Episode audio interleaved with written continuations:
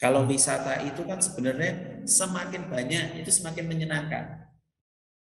Karena apa? Karena semakin lengkap. Jadi kami juga berusaha bersinergi dengan wisata sekitar, bagaimana caranya bisa membuat ring yang lebih panjang.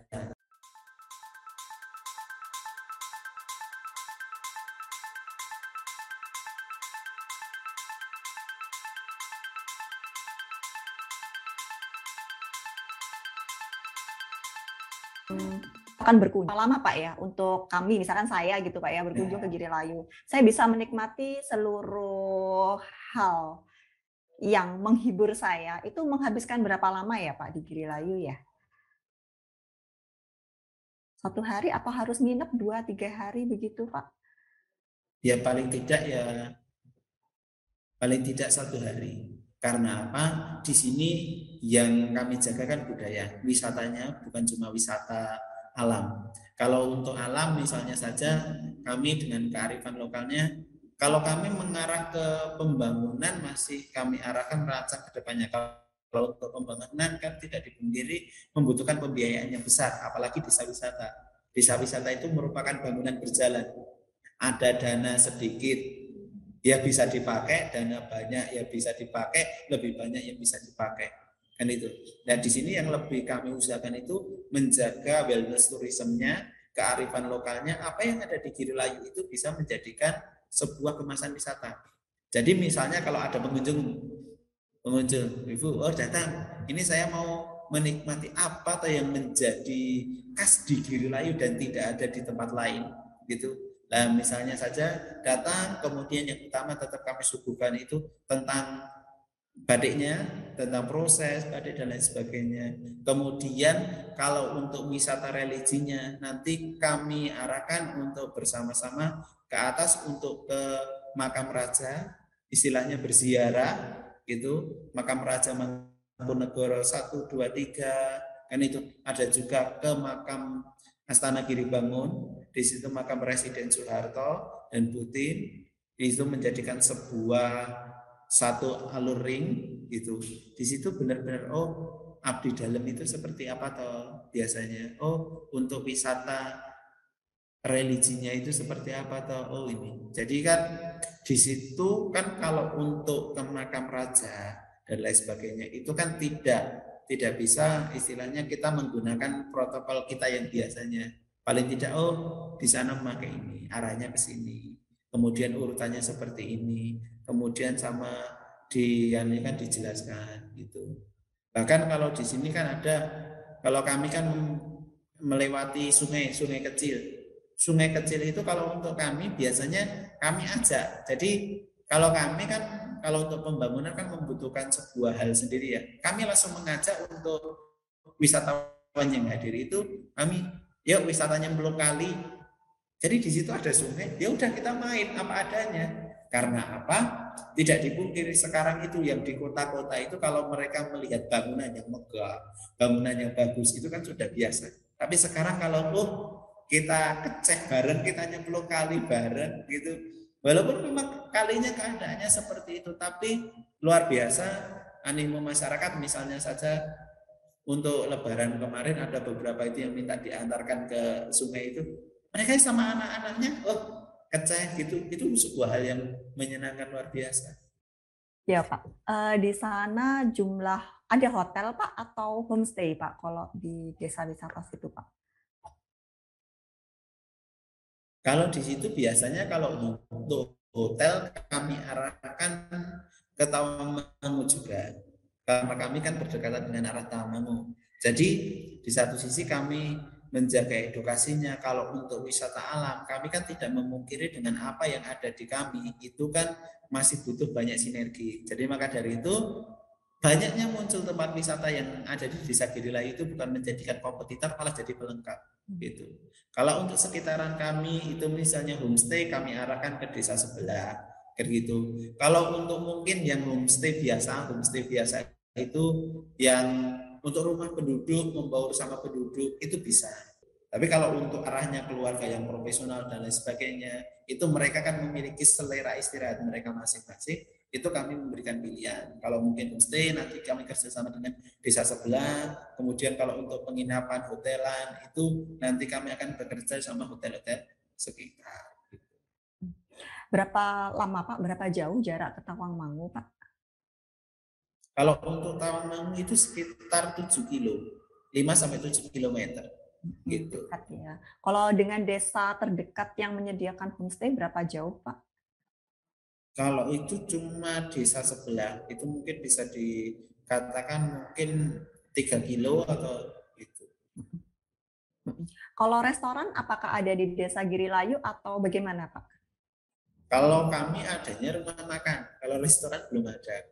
Itu menjadi PR buat kami juga karena apa? Tidak dipungkiri kalau untuk berwisata itu pertama ada yang mereka lihat.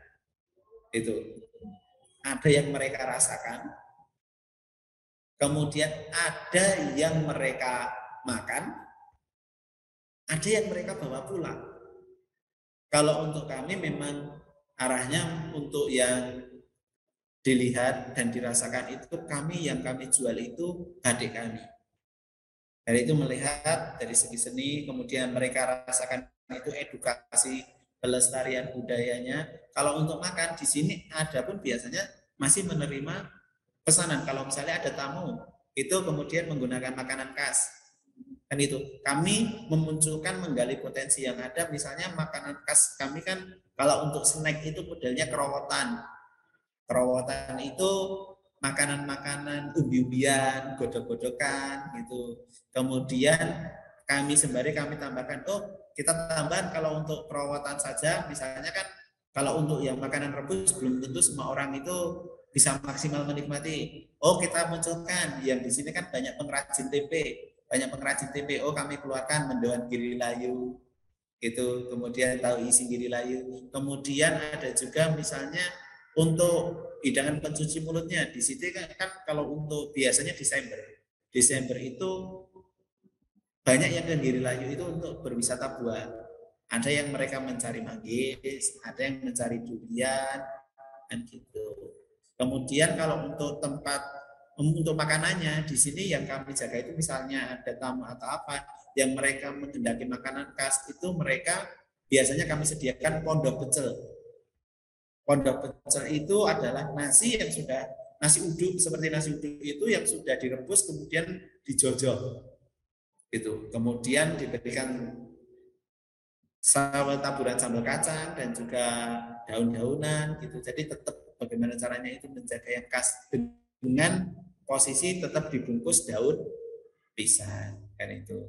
Kemudian untuk oleh-oleh buah tangan itu tidak dipungkiri kadang kan yang dicari itu bukan cuma batik. Kan mereka juga oh saya ingin membawa oleh-oleh dari Giri Layu. Nah, kami juga bekerja sama dengan sekitar yang di sini kami kan banyak banyak tumbuhan istilahnya sayuran gitu paling tidak kami itu juga memproduksi misalnya banyak petani ubi itulah di sini ada juga beberapa pengrajin itu yang mereka itu menjadikan ubi itu sebagai dasarnya itu jadi sari-sari bumi sari-sari bumi itu pola kependem itu mereka jadikan oh oleh-oleh khas. Misalnya ubi hmm, menarik juga ternyata banyak ini ya Pak. Eh, buah tangan buah tangan yang bisa dibawakan oleh Giri Layu Mungkin mau tanya juga Pak, tadi sebelumnya dijelaskan bahwa uh, banyak uh, siswa atau mahasiswa yang datang ke Girilayu untuk belajar dan memang Girilayu juga uh, salah satu core bisnisnya adalah untuk edukasi. Untuk Girilayu sendiri apakah menargetkan uh, wisatawan lain yang mungkin dari golongan ibu-ibu atau golongan yang lainnya mungkin Pak? Kalau untuk kami tidak sebenarnya tidak membatasi usia itu Sekali lagi di sini sebagai wellness tourism itu yang kami arahkan itu terutama bagi keluarga-keluarga yang sudah mulai jenuh di kota kan gitu. Yuk kita main ke desa. Desa itu kearifan lokalnya seperti ini loh.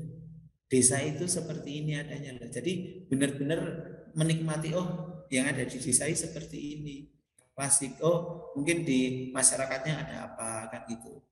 Kalau untuk arah misalnya pemasarannya sebenarnya kami tidak cuma membatasi pada segmen tertentu. Tapi kalau untuk sekarang ini segmen yang sedang terbuka lebar itu adalah segmen pendidikan. Kan itu. Pertama menjaga generasi, kedua pasar sedang tersedia. Itu. Kemudian arah nanti kami ke depannya itu juga tidak dipungkiri mulai menerima magang-magang baru. Misalnya dari daerah lain pun ada ibu-ibu yang mau magang, kami persilakan. Mungkin tadi juga sempat dijelaskan ya untuk uh, memasarkan ini salah satu caranya lewat pameran. Uh, mungkin boleh dijelaskan juga Pak, mungkin ada cara lain kalau misalnya secara offline, misal melalui brosur atau koran atau secara online, ada sosial media apa aja yang dipunyai oleh uh, Giri Layu? Kalau yang sedang sedang dibangun itu tentang media sosial melalui Instagram, Facebook itu sedang kami godok dengan baik. Kami usahakan bagaimana caranya agar bisa tersentuh ke luar. Kemudian sebenarnya untuk pemasaran yang paling cepat itu kan di WA gitu. Kalau untuk offline kami mulai bekerja sama misalnya dengan hotel-hotel sekitar itu agar kami bisa menitipkan produknya. Itu. Jadi di hotel-hotel sekitar itu sudah mulai bekerja sama. Oh, ini ada produk produk diri layu bisa dititipkan di sini kan gitu untuk store-store offline itu. Kemudian kalau untuk pameran, pameran tetap yang terutama setiap kali ada di lingkungan daerah Solo Raya akan kami ikuti. Karena itu sebagai bentuk pengenalan juga dan juga menambah jaringan. Gitu. Ya, Pak. Uh, saya sedikit sedikit curhat Pak ini ya. Uh, Kamis, Kamis itu Pak, anak saya kan SD tuh Pak, anak saya itu SD. Terus Kamis itu mau ada kegiatan membatik Pak di sekolah, di sekolah. Jadi anak-anak kan pulang cerita, katanya suruh ditinta. Tintanya ini nanti disuruh ngerebus Pak, setelah ngerebus, kemudian dimasukin botol aqua. Mungkin maksudnya malam itu mungkin Pak ya, yeah. saya nggak tahu, bingung saya Pak. Jadi direbus, kemudian bawa ke sekolah terus beli kain kainnya pun khusus gitu istilahnya ada istilah tersendiri. Ribet lah gitu ya. Jadi eh, saya jadi kepikiran gitu kalau seandainya gitu ya seandainya tahu lebih awal gitu mungkin saya akan bisa ngusulkan itu ke sekolah naik bis sama-sama ke kiri layu gitu ya. Terus di sana batik bareng diajari oleh yang memang senior pembatik gitu kan alangkah anu Pak ya alangkah menariknya begitu. Nah, selama ini kalau apa Pak wisata SD itu melihat apa ya melihat paling ke batu, melihat gunung gitu ya sering lah. Kita yang berulang-ulang begitu. Tapi kalau seandainya tahu gitu ke Desa Bade, kemudian ada paket wisata untuk anak SD, anak SMP begitu. Anu Pak, saya pikir memang masih pasar sangat potensial ini mungkin Pak. Nanti setiap kelas kan setiap tahun akan ada adik kelasnya begitu lagi, adik kelasnya begitu lagi. Gitu. Baik Pak, itu kan Pak ya selingan curhat yang tahu apa.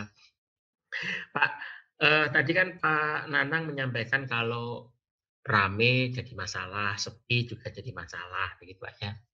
Nah di wisata ini kan sering kali kalau musim liburan itu rame, ya Pak liburan rame, kemudian musim tidak liburan itu sepi begitu. Nah, apa Desa Girilayu ada kiat-kiat khusus Pak supaya ketika tidak musim liburan itu walaupun sepi tidak tidak begitu sepi gitu. Gimana Pak? Ada kiat-kiat khusus yang sudah dilakukan oleh Desa Girilayu Pak? Kalau kami di sini menekankan yang pertama itu kepada semua ibu-ibu setiap kali ada yang kendala terjadi, itu kita tetap harus berkarya. Hmm. Karena apa? Karena misalnya waktu itu sepi. Waktu itu sepi adalah sebenarnya momen-momen untuk menyiapkan banyak produk.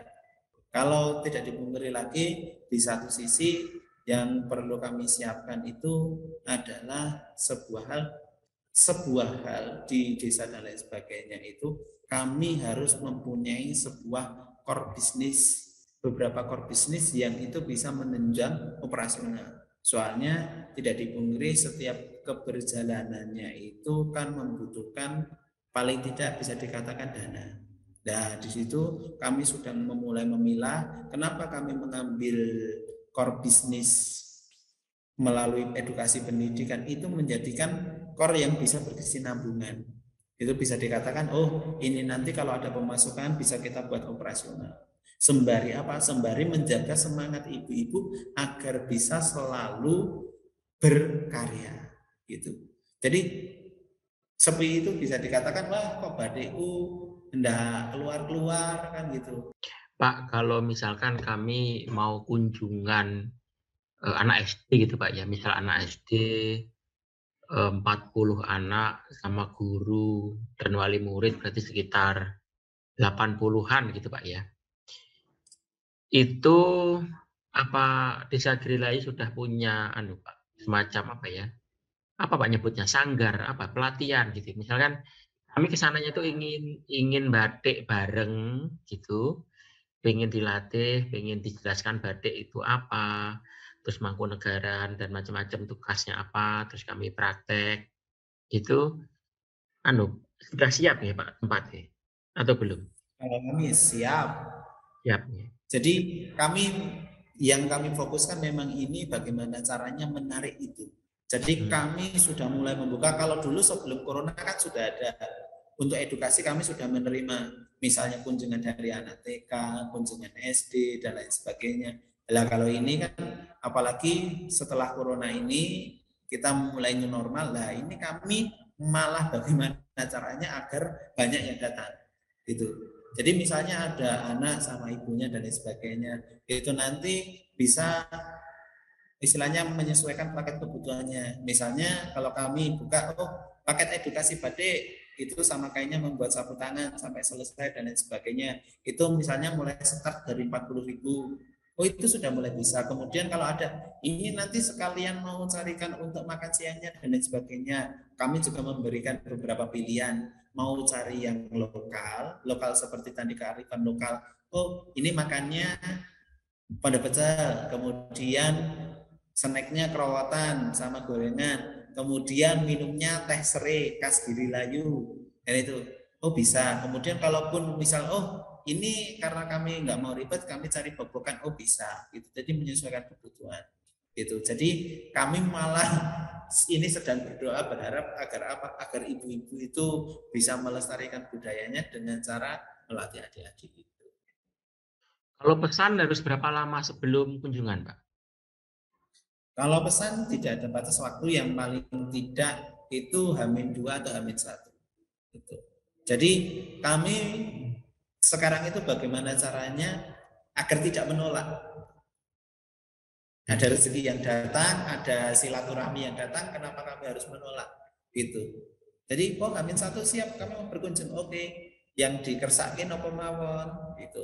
Kami ada hal-hal, oh ini, ini nanti anak-anak mau diajari membatik, tetap pokoknya edukasi.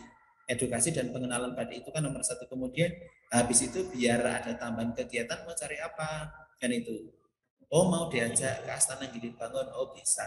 Oh mau diajak nyemplung ke sungai, oh bisa, kan gitu. Oh mau diajak ke tempat-tempat pembuatan pengolahan produksi atau mungkin pengrajin tertentu bisa, kan itu. Jadi kami sedang bekerja sama dengan lingkungan sekitar agar apa? Agar desa Badik ini menjadi desa yang kuat. Desa yang kuat itu bukan cuma satu tim paguyuban saja, tapi seluruh masyarakat ini bisa saling berkolaborasi, bersinergi. Karena dalam desa wisata itu, dalam satu tubuh itu bukan kompetitor, tapi saling mendukung, mensupport. Jadi nanti kalau Bapak bisa berkunjung sama keluarga atau apa, ngabari saja bisa gitu. Tidak pun edukasi pun kami juga menerima. Pokoknya segala jenis silaturahmi yang bersama kami, kami tidak menutup peluang, tidak menutup kemungkinan. Oh monggo, ada kenalan, ada dari dinas, ada dari perseorangan pun mau mampir monggo. Mau diantar ke mana? Siap kan itu.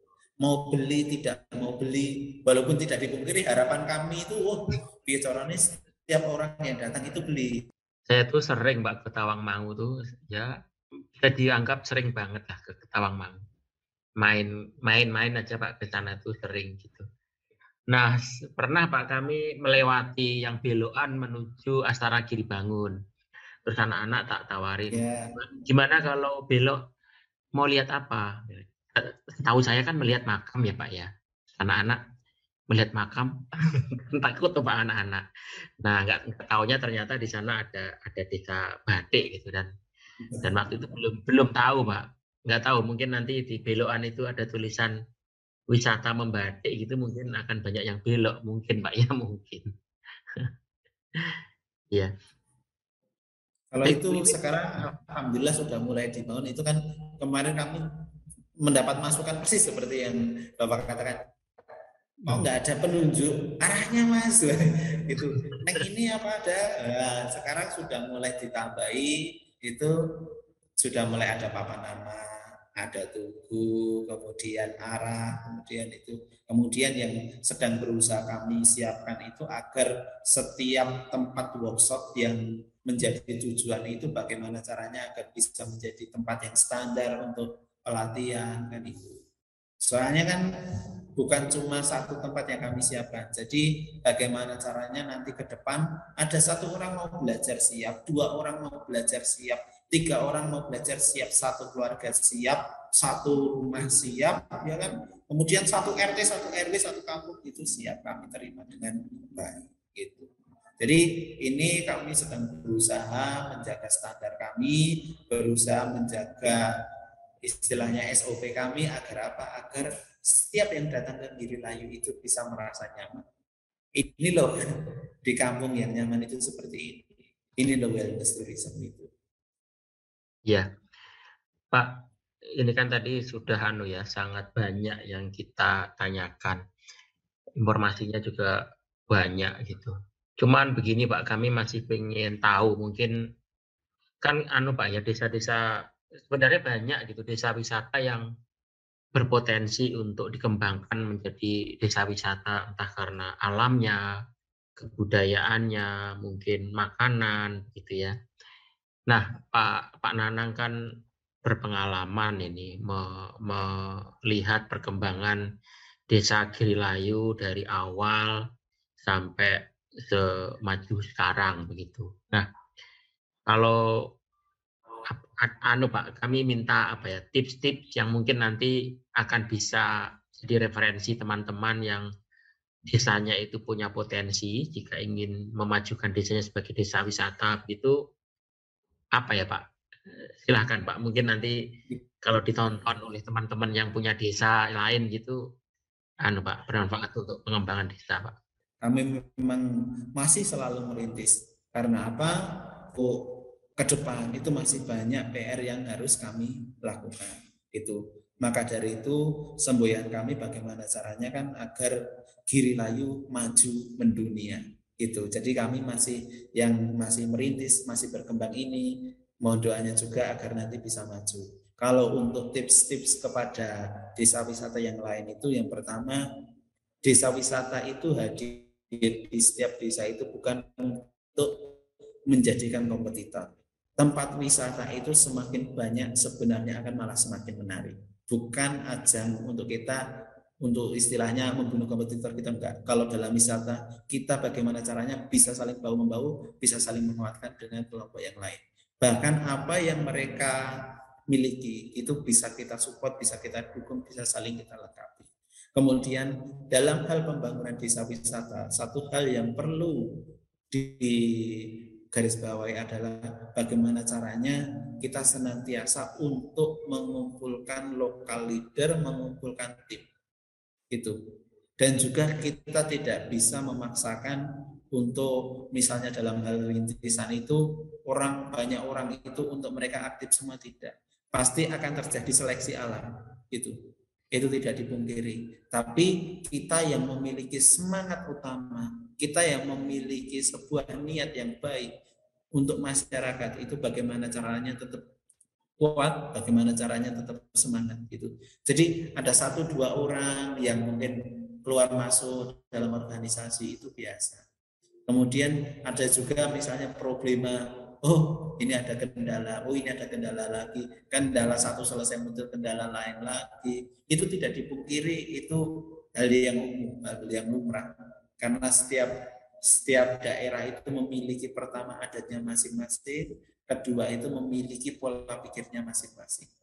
Bahkan dalam satu tim pun ada perbedaan pendapat itu hal yang lumrah. Tapi untuk apa? Sekali lagi bagi kita yang berada di ujung tombak ini bagaimana caranya kita tetap menjaga semangat kemudian tidak lupa kita selalu menyemangati anggota tim yang menjadi sinergi kita agar selalu berkarya. Baik, uh, Pak Nanang, kami sudah mendapatkan banyak informasi yang sangat bermanfaat, tidak hanya bagi kami saja yang sebagai interviewer, Pak ya, tapi juga para uh, pendengar uh, dan penonton LSCM Podcast. Sekali lagi terima kasih banyak Pak Nanang atas waktunya, segala informasi um, yang telah disampaikan pada hari ini dan uh, kami yakin ini akan sangat bermanfaat untuk semuanya begitu Pak ya sebagai uh, semua mendengar LSCM Podcast. Mengakhiri episode kali ini, kami mengucapkan terima kasih untuk penggemar setia LSCM Podcast.